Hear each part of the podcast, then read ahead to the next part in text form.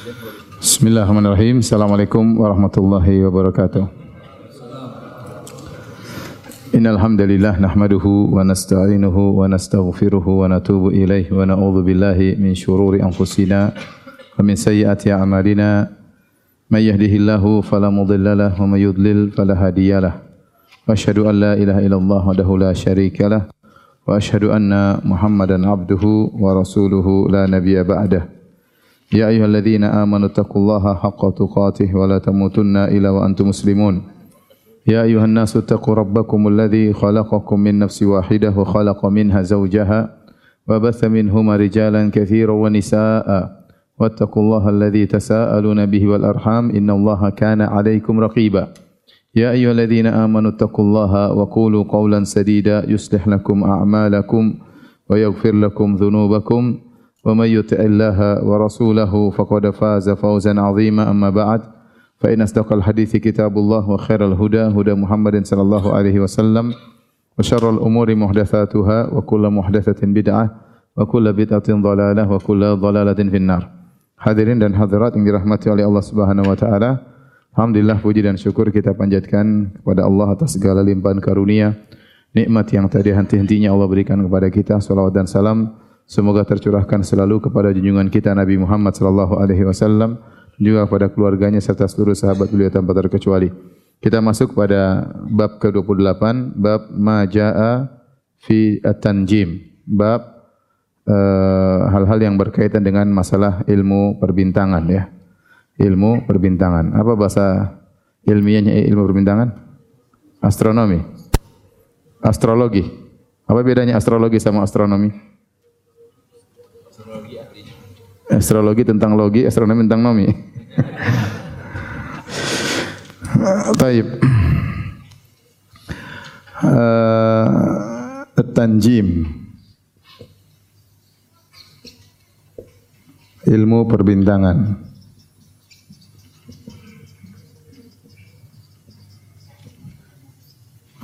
Ilmu perbintangan terbagi menjadi dua disebut dengan ilmu ta'thir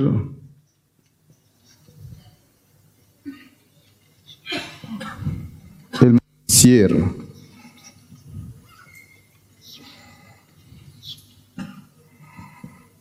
atau taisir. Ilmu ta'thir yaitu bahwasanya gerakan-gerakan bintang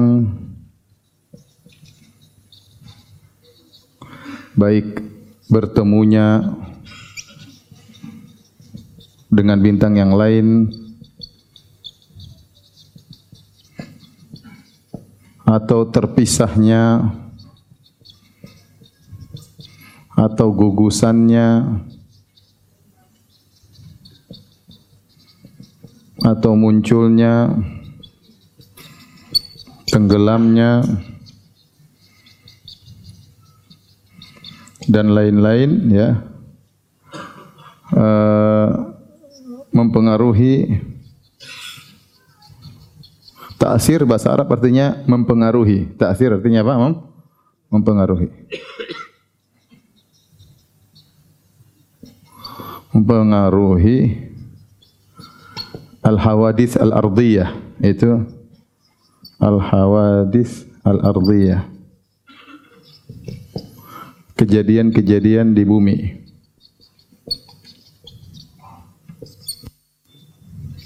Jadi al-harakat as-samawiyah gerakan di atas ternyata punya pengaruh terhadap kejadian-kejadian di bumi. Ini namanya ilmu at-ta'thir. Ini yang dilarang dalam syariat. Ini yang disebut dengan ilmu perdukunan atau ilmu ilmu sihir. Ya. Maniktasaba maniktabasa syu'batan minan nujum faqad tabasa syu'batan min as-sihr zada ma zada. Kata Nabi sallallahu alaihi barang siapa yang pelajari sebagian dari ilmu perbintangan maka dia telah mempelajari ilmu sihir.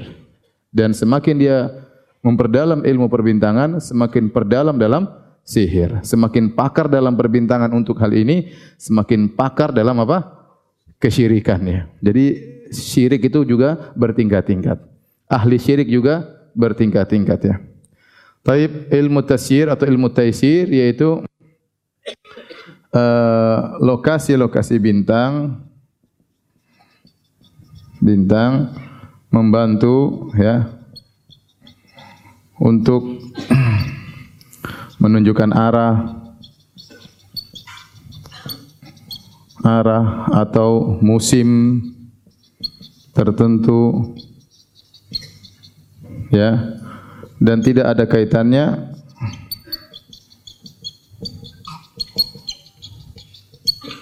Dengan kejadian-kejadian di bumi. Dan ini boleh untuk belajar ini, ya, untuk belajar ini Allah Subhanahu wa taala berfirman eh, wa huwa alladhi ja'ala asy-syamsa dhiya'an wal qamara nuran wa qaddarahu manazila li ta'lamu 'adada as-sinina wal hisab.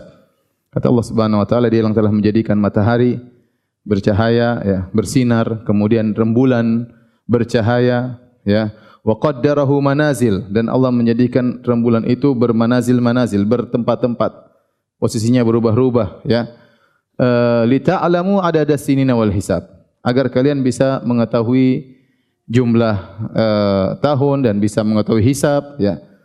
Ya bisa mengetahui kapan waktu hajian kapan waktu puasa ya. Ini tentu dipelajari tidak mengapa. Demikian juga firman Allah Subhanahu wa taala uh, wal qamara qaddarnahu manazila hatta ada kal urjunil qadim. Sebagaimana dalam surat yasin.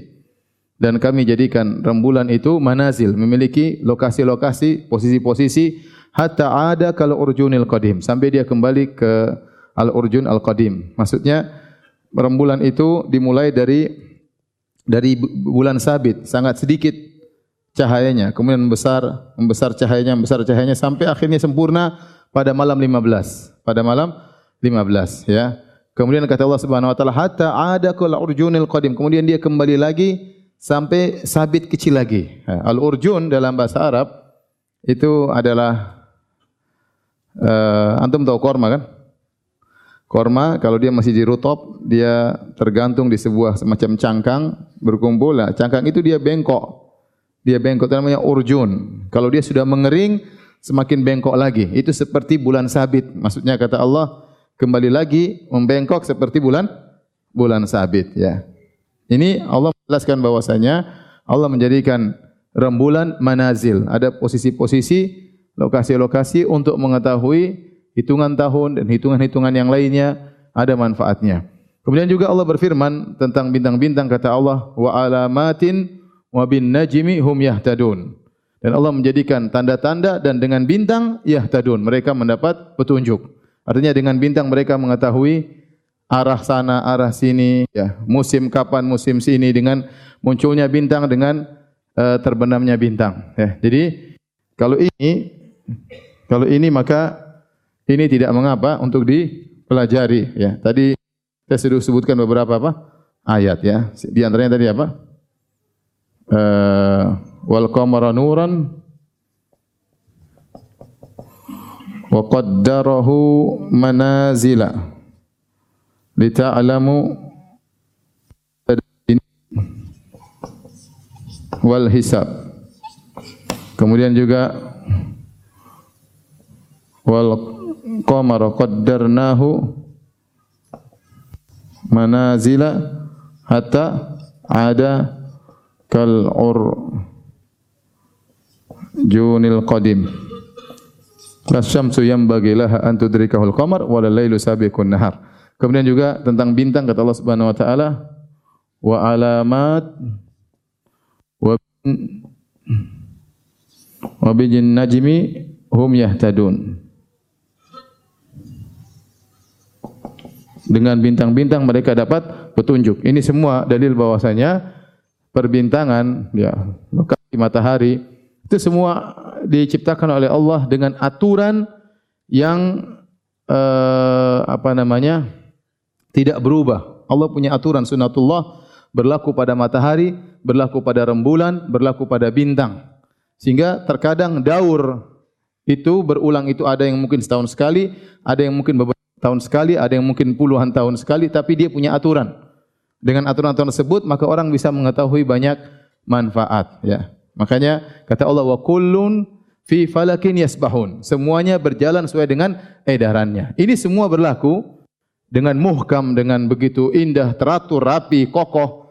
Ya, karena itu semua ciptaan Allah Subhanahu wa taala. Semua itu hanya bisa rusak sunatullah hancur tatkala itu Allah rubah aturannya kalau hari kiamat. Kalau hari kiamat, maka bintang-bintang lepas dari uh, tempatnya, matahari redup, rembulan redup, kemudian matahari terbit dari barat, tidak seperti biasanya dari timur. Ini semua terjadi kalau hari menjelang hari kiamat. Adapun sekarang maka dia berjalan teratur sesuai dengan aturannya, tidak berubah dengan suatu ikatan yang orang sebut dengan gravitasi al-jadzibiyah yang aturannya baku sehingga dengan keteraturan tersebut yang konsisten dengan aturannya maka orang bisa banyak belajar ya. Orang tahu oh begini waktu ini, ini musim ini, kalau rembulan di sini begini, kalau gugusan bintang begini berarti arah sini. Itu semua ilmu yang Allah uh, berikan kepada manusia. Makanya Allah mengatakan li ta'lamu adada sinina wal hisab agar kalian tahu tentang hitungan tahun dan juga tentang perhitungan Adapun yang ini ilmu taksir bahwasanya gerakan bintang, gerakan rembulan, gerakan matahari memiliki pengaruh kejadian di alam semesta, maka itu yang disebut dengan ilmu sihir. Itu ilmu perdu perdukunan. Dan ini banyak ya. E, di tanah air kita juga banyak ya. Misalnya e, mereka membagi-bagi ya gugusan bintang, gugusan bintang ini, misalnya si fulan lahir di bintang Libra, si fulan lahir di bintang apa? Sagittarius, satunya Scorpio, satunya apa lagi? Antum hafal enggak? Enggak hafal ya? Antum bintangnya apa ya? Nanti kalau sudah si fulan pelit, memang karena dia bintangnya Libra. Libra itu pelit orangnya. Oh, gitu. Karena bintang Libra semuanya pelit ya. Dan satunya lagi si fulan dermawan. Kenapa dia di bintang Scorpio misalnya? Ketahuan dari apa namanya? Si fulan lahir di bintang Sagittarius. Kenapa dia penyabar? Nah, nanti kalau misalnya mau nikah, maka ceweknya tanya, bintang apa? Saya bintang Scorpio. Kamu? Saya bintang Libra. Dilihat dulu, cocok enggak Libra sama Scorpio? Kalau enggak cocok, enggak jadi. Ini semua adalah kebohongan ya. Untuk bayangkan, untuk bantah mereka gampang ya. Untuk melihat, ada orang bayi lahir dalam rumah sakit yang sama di hari yang sama. Jangan di hari yang sama, bahkan di waktu yang sama. Nasibnya beda atau tidak? Beda. Di hati. Jangankan dari ibu yang sama kembar, nasibnya bisa beda ya tidak?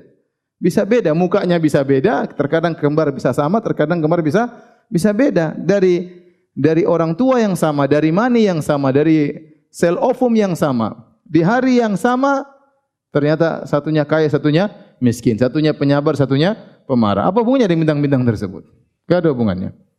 Tidak ada hubungannya. Kemudian juga Al-Imamul Qurtubi membantah mereka dengan sebuah logika. Dia mengatakan, itu bayangkan ada satu kapal berlabuh di lautan yang naik seribu orang atau lebih, ribuan orang. Kemudian mereka tenggelam, semuanya meninggal. Ini bintangnya kan beda-beda. Kenapa nasibnya sama semua? Harusnya satu selamat, satunya terbang, satunya loncat. Ini bintang Sagittarius selamat, bintang Scorpio dibawa lari apa namanya ikan lumba-lumba. Bintang ini ternyata semua meninggal padahal bintang mereka berbeda berbeda-beda. Ini semuanya khurafat.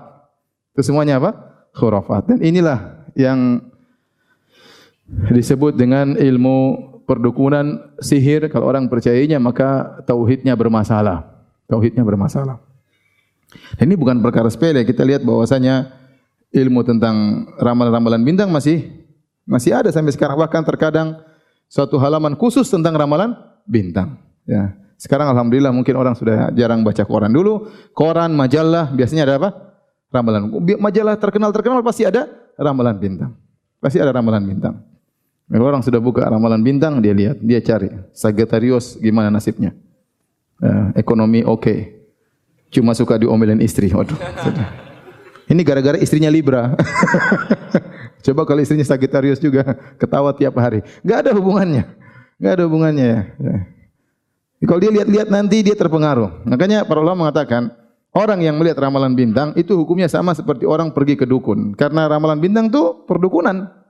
Sudah kita pernah jelaskan perdukunan banyak ya di antaranya ramalan bintang. Nah, orang yang membuka ramalan bintang sama dengan dia datang ke seorang dukun. Kalau dia ingin tahu hukumnya sama dengan bertanya kepada seorang dukun. Berarti solatnya tidak diterima 40 hari. Kalau dia benarkan, maka dia kufur kepada Allah Subhanahu wa taala seperti dia membenarkan perkataan apa? Dukun. Dari sini kita tahu bahwasanya tauhid sangat penting dan masih banyak orang yang tidak paham tentang masalah tauhid. Masih banyak orang yang percaya sama ramalan-ramalan uh, dukun-dukun tersebut. Ahli perbintangan.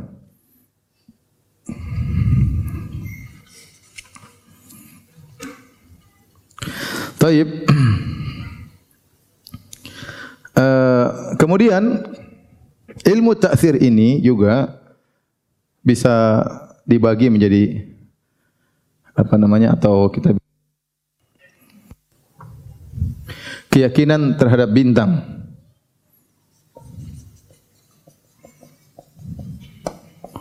Manusia terhadap bintang.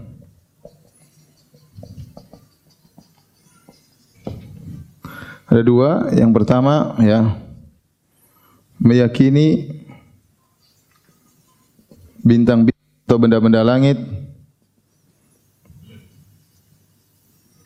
benda langit memiliki kehendak sehingga mempengaruhi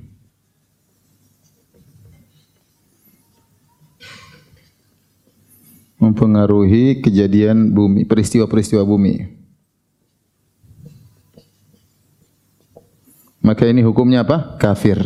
Orang yang meyakini seperti ini hukumnya apa? Kafir. Karena enggak mungkin bintang-bintang punya kehendak. Dia benda mati. Dia benda mati. Ya musakhar. Ya. Uh, apa namanya? Wasakhara syamsa wal qamar. Ya, kata wan nujumu musakharatun. Kata Allah dan Allah mengatur matahari, Allah mengatur rembulan, wan nujumu musakharatun bintang-bintang juga diatur oleh Allah Subhanahu wa taala bintang-bintang tersebut tidak punya kehendak rembulan tersebut tidak punya kehendak untuk bergerak semaunya ya. Tapi dia diatur oleh siapa? Allah Subhanahu wa taala. Dia wa kullun fi falakin yasbahun. Dia berjalan di atas orbitnya edarannya tidak pernah berubah kecuali nanti Allah berkehendak pada hari kiamat. Seandainya dia punya kehendak sekali-sekali dia berhenti sekali-sekali dia redup ya. Sekali-sekali dia zigzag goyangnya kan? Itu enggak bisa. Dia jalan begitu sesuai dengan apa? aturan. Berarti dia tidak punya kehendak, dia diatur oleh Allah Subhanahu wa taala. Di bawah pengaturan Allah Subhanahu wa taala sehingga kalau dia tidak punya kehendak apalagi dia mempengaruhi kejadian alam semesta. Maka barang saya meyakini bahwasanya bintang-bintang tersebut punya kehendak, maka dia kafir dan ini sebagaimana uh, orang-orang yang ditemui oleh Nabi Ibrahim alaihissalam di negeri Syam waktu Nabi Ibrahim berdakwah Nabi Ibrahim mendapati orang-orang penyembah benda-benda langit.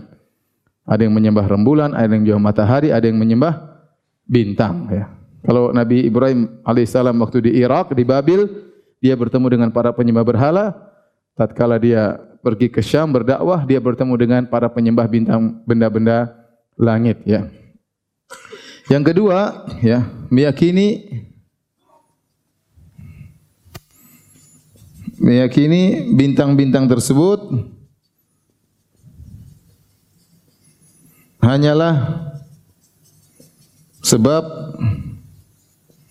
sebab yang Allah jadikan yang Allah jadikan petunjuk untuk menentukan peristiwa-peristiwa bumi. Nah, kalau keyakinannya cuma ini, bintang itu adalah sebab, ya. Dan dengan sebab bintang ini maka akan timbul kejadian seperti ini, ya. Apa hukumnya? Sama. Ini juga perdukunan, ini juga syirik akbar. Sama, juga juga apa syirik? Syirik akbar. Kufur juga. Ya, jadi adalah kekufuran. Ya, keyakinan orang terhadap bintang. Dua-duanya tidak diperbolehkan dua-duanya merupakan syirik akbar ya maka meskipun tidak menjadikan bintang sebagai tuhan ya tetapi kalau menganggap bintang tersebut punya pengaruh menentukan tentang kejadian di masa depan maka sama itu juga merupakan uh, sama hukumnya dengan percaya kepada perdukunan. Allah taala alam bisawab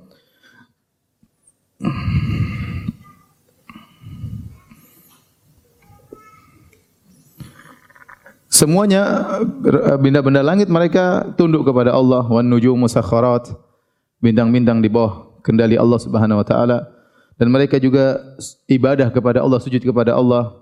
Alam tara anna Allah yasjudu lahu man fis samawati man fil ard. Wasyamsu wal qamaru wal jibalu.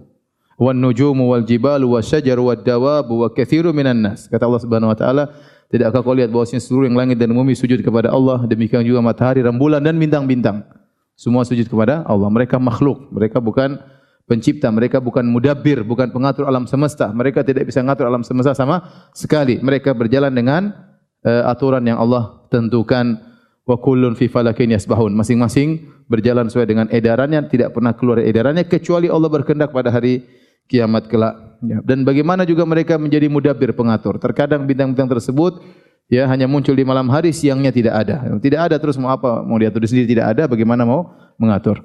Baik, di sini uh, Al-Imam Muhammad Muhammad bin Abdul Wahab rahimahullah taala menyebutkan beberapa dalil ya yang berkaitan dengan bab ini. Di antaranya beliau berkata qala al-Bukhari fi sahihihi. Berkata Al-Imam Al-Bukhari dalam sahihnya wa qala Qatadah wa qala Qatadah Qatadah bin Di'am As-Sadusi seorang tabi'in ya. Beliau berkata ulama tabi'in khalaqallahu hadhihi an-nujum li thalath bahwasanya Allah menciptakan bintang-bintang ini untuk tiga tujuan.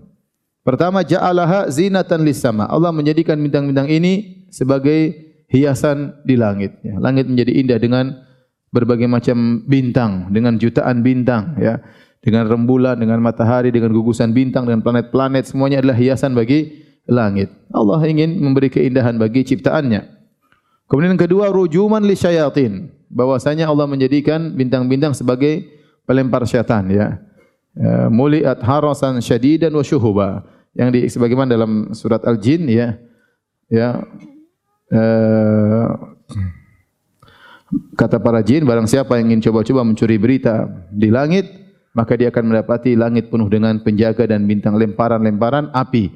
Bintang menjadi lemparan bagi jin bukan maksudnya bintang besar tersebut lepas dari edarannya tidak. Tapi kata para maksudnya percikan dari bintang tersebut, percikan api makanya Allah menggunakan kata wasyuhuba.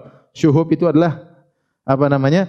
lemparan percikan api. Karena percikan api tersebut berasal dari bintang, maka disebut bintang dilempar untuk melempar syaitan tapi sebenarnya bukan bintangnya tapi apa? percikan api dari uh, bintang tersebut. Ini fungsi kedua. Yang ketiga wa alamatin yuhtada biha. Bintang sebagai tanda-tanda sebagai penunjuk jalan arah ya, musim ya.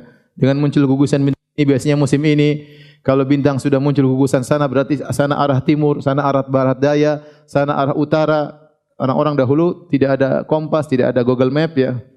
Mereka pakainya apa? Kalau ada Google Map juga internet juga belum ada dulu. Mereka pakainya pakai bintang. Ini ilmu yang Allah berikan kepada mereka.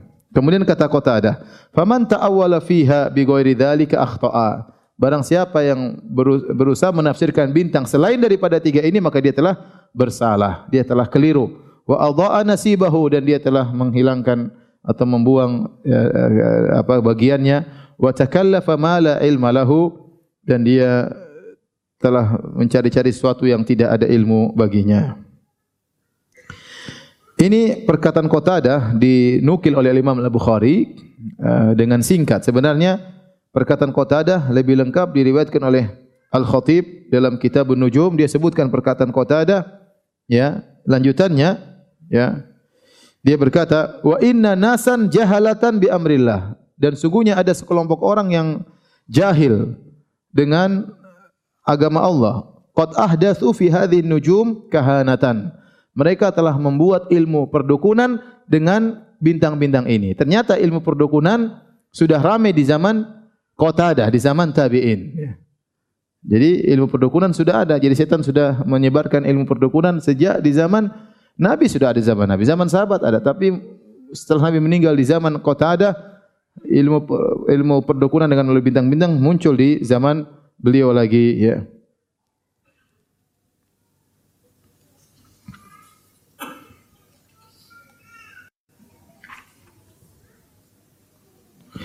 Jadi itu hanya fungsi bintang cuma tiga, tidak boleh lebih daripada daripada itu. Di antaranya sebagai hiasan bagi langit. Yang kedua tadi apa? Melempar syaitan. Yang ketiga untuk sebagai tanda alamat atau menentukan waktu. Kemudian beliau berkata, wa kariha qatadatu qatadatu ta'alluma manazilil qamar. Dan Qatadah tidak suka benci belajar ilmu manazilil qamar. Walam yurakhis Ibnu Uyainah fihi dan demikian juga Sufyan Ibnu Uyainah mengharamkan belajar manazil qamar. Zakarahu harbun anhuma. Harb meriwayatkan dari mereka berdua. Wa rakhasa fi ta'allumil manazil Ahmad wa Ishaq. Dan ternyata Imam Ahmad dan Ishaq bin Rahawai mereka berdua membolehkan belajar ilmu manazilil qamar tentang ilmu perbintangan. Jadi uh, dua pendapat sebagian ulama mengatakan tidak boleh sama sekali dalam rangka menutup celah-celah yang bisa mengantarkan kepada kesyirikan dan perdukunan adapun Al-Imam Ahmad dan Al-Imam Ishaq bin Rohawai uh, mereka mem membolehkan belajar ilmu perbintangan jika ada manfaatnya. Ini semua ya Ibnu Uyainah, Ishaq bin Rohawai. Dahulu mereka ini fuqaha dan mereka punya murid-murid. Tetapi tidak sampai menjadi madhab karena ilmu mereka tidak dilestarikan oleh murid-muridnya. Padahal mereka orang-orang alim, para ulama sekelas dengan Imam Ahmad, Imam Syafi'i, ya, Ya, tetapi bedanya Imam Ahmad, Imam Syafi'i, Imam Malik, Imam Abu Hanifah mereka memiliki murid-murid yang menggabungkan ilmu mereka sehingga muncullah madhab empat yang masyhur. Adapun ulama-ulama yang lain ilmu mereka hilang karena tidak ada murid-murid yang melanjutkan ilmu mereka. Tetapi perkataan mereka masih terus dinukil oleh ulama.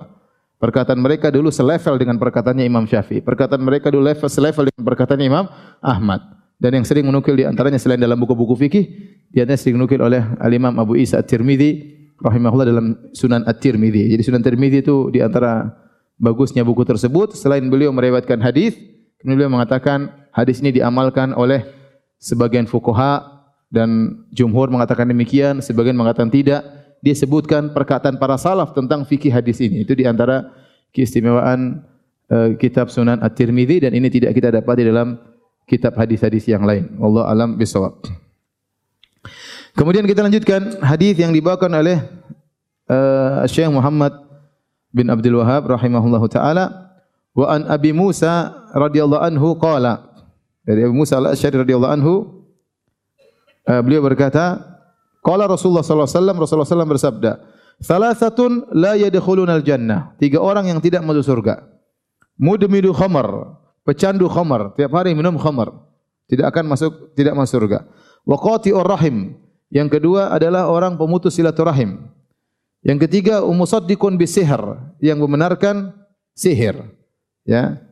Kemudian hadis ini kelanjutannya kata Nabi sallallahu alaihi wasallam, "Wa man mata mudminanil khamar, barang siapa yang meninggal dalam kondisi pecandu khamar, saqahu Allahu jalla wa ala min nahril ghutah." Maka Allah akan berikan dia minum dari sungai Al-Gutah di neraka. Kila wa man nahrul Gutah? Ya Rasulullah, apa itu sungai Al-Gutah? Kata Nabi sallallahu alaihi wasallam, nahrun yajri min furujil mumisat, yaitu sungai yang airnya berasal dari cairan yang keluar dari kemaluan para wanita-wanita pezina. Yu'dhi ahlan nari rihu furujihinna. Sungguhnya bau kemaluan mereka mengganggu ya mengusik penciuman para penghuni neraka jahanam. Hadis ini diriwayatkan oleh Tabrani Al-Hakim dan disahihkan oleh Al-Hakim dan disepakati oleh Al-Zahabi rahimahullahu taala.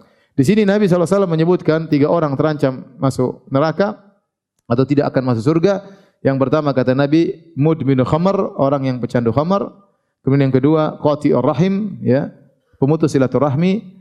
Dan yang ketiga musaddiqun bisihir yang membenarkan sihir. Kenapa dibawakan dalam dalam bab ini? Karena sudah pernah disebutkan oleh beliau sang penulis bahwasanya ilmu tanjim bagian daripada sihir. Makanya Nabi SAW mengatakan manik tabasa syu'batan minan nujum faqad faqad tabasa syu'batan minas sihir zada mazana. Barang siapa yang mempelajari sebagian ilmu perbintangan untuk perdukunan maka sungguhnya dia telah belajar ilmu sihir. Semakin dia belajar semakin bertambah sihirnya. Maka ini dalil bahwasanya belajar sihir, belajar ilmu perbintangan untuk meramal ini menghalangi seorang masuk surga. Ya. Dan ini juga tiga dosa besar. Yang pertama minum khamar pecandu, yang kedua pemutus silaturahmi dan yang ketiga membenarkan sihir.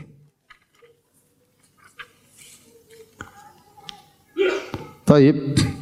Uh, selesai bab yang disampaikan oleh beliau ya. ya maka kita harus berhati-hati dari tiga dosa ini ya karena digandingkan dengan sihir pecandu khamar ini sangat berbahaya ya orang yang minum khamar maka dia menghilangkan kemuliaan yang Allah berikan kepada dia yang membedakan dia daripada seluruh hewan yaitu akalnya kecerdasannya kalau sudah hilang akalnya, dia tidak ada tidak ada bedanya dengan hewan, bahkan dia mungkin lebih hina daripada hewan. Ya. Maka orang kalau sudah minum khamar, dia telah menggolongkan dirinya dalam zumratul majanin, dalam kelompok orang-orang gila. Apa bedanya dengan orang gila, peminum khamar? Apalagi orang kalau sudah minum khamar, ya, maka dia akan berbicara apa yang dia kehendaki, tidak terkontrol dirinya. Ya. Bahkan disebutkan ada sebagian orang peminum khamar setelah dia minum khamar, kemudian dia pipis, dia tampung air kencingnya, Kemudian dia berwudu dengan air kencingnya. Kemudian dia berdoa, Alhamdulillahilladzi adhaba annal adha. Sama suci Allah yang telah menghilangkan dari kami kotoran. Padahal dia baru berwudu pakai apa? Air kencingnya. Ya, tidak mungkin kita salahkan karena dia lagi tidak waras ya, lagi gila. Nanti kalau sudah sadar baru dia tahu itu kesalahan. Makanya kalau ada keluarga atau kerabat atau teman yang tukang mabuk, kalau dia lagi mabuk ente shooting ya. Ini ente waktu lagi mabuk, macam-macam anak YouTube kan ente. Jangan ya. Maksud saya, maksud saya biar dia tahu ini kondisi dia kalau lagi mabuk. Dari kondisi yang mulia menjadi sangat terhina. Kenapa? Karena dia mabuk. Mabuk lebih parah daripada hewan masukkan siapa yang siapa yang ridho dikatakan orang gila. Siapa yang ridho dikelompokkan sama orang-orang sinting, orang gendeng.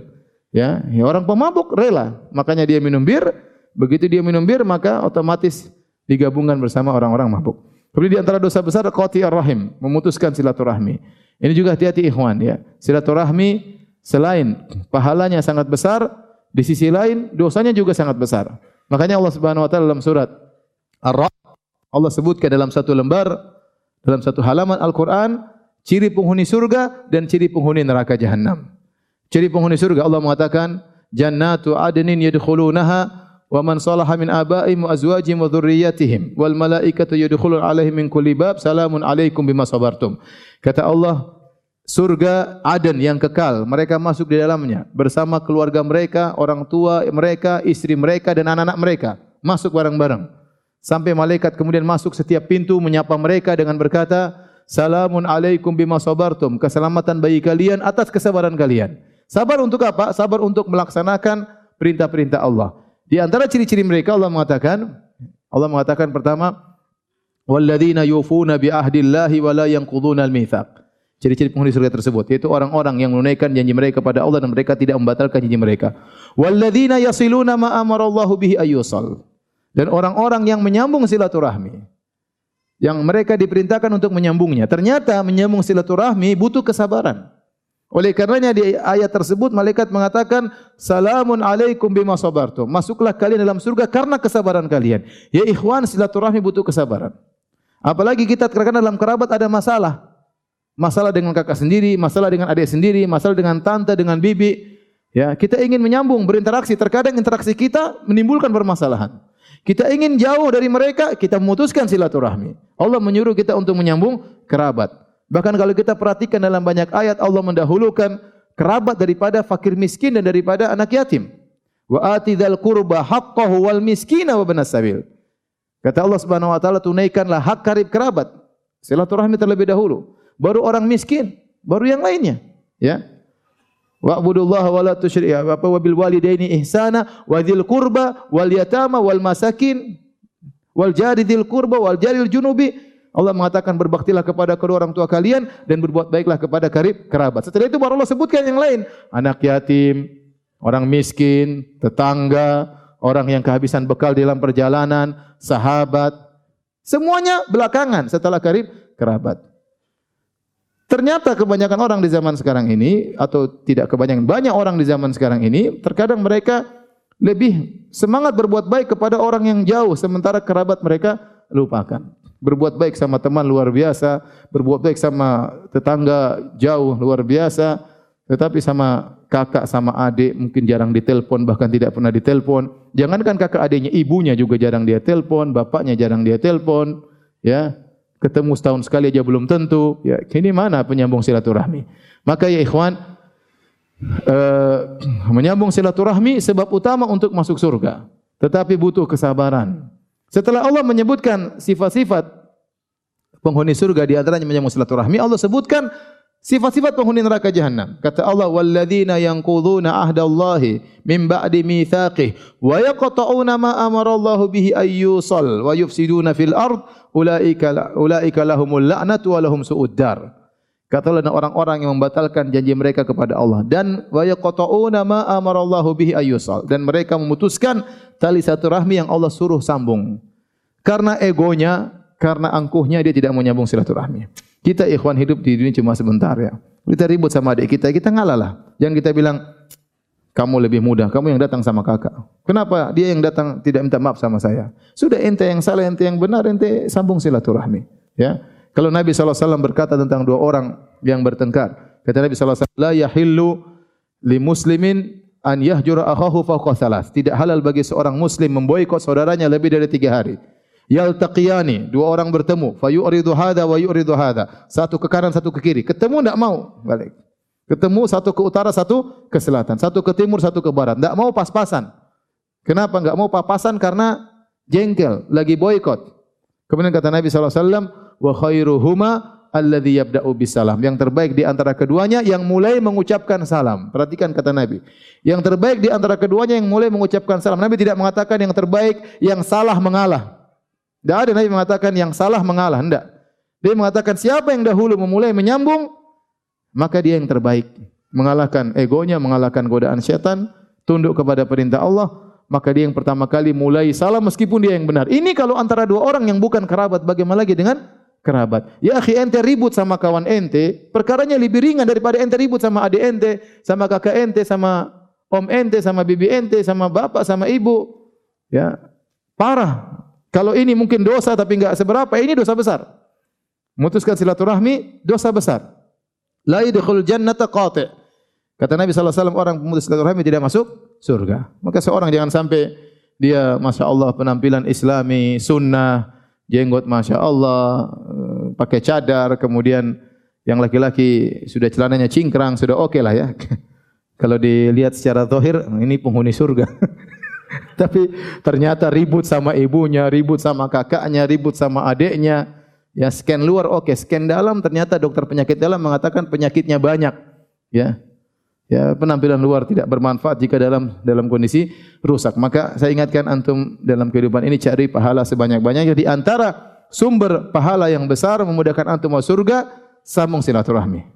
Kalau antum bisa terbaik bagi ibu antum, terbaik bagi kakak antum, terbaik bagi adik antum, terbaik bagi kerabat antum, maka itu luar biasa. Antum salah satu ciri-ciri penghuni apa? Surga. Yang terakhir kata Nabi sallallahu alaihi wasallam, wa musaddiqun bisihr yang tidak masuk adalah yang membenarkan sihir, membenarkan perdukunan, membenarkan uh, ilmu perbintangan ya. Jadi ini saja yang saya sampaikan pada kesempatan kali ini. Ya, saya bacakan terakhir fihi masail ada beberapa faedah dari bab ini. Pertama, al-hikmatu fi khalqin nujum. Hikmah dari menciptakan bintang. Ada berapa tadi? Tiga. Sebutkan. Satu, untuk hiasan. Yang kedua, melempar bintang. Yang ketiga, sebagai alamat. Ar-rad alaman za'ama ghairu dhalik. Yang ke, faedah kedua, bantahan bagi orang yang mencoba mengotak-ngatik ilmu perbintangan untuk selain daripada tiga ini.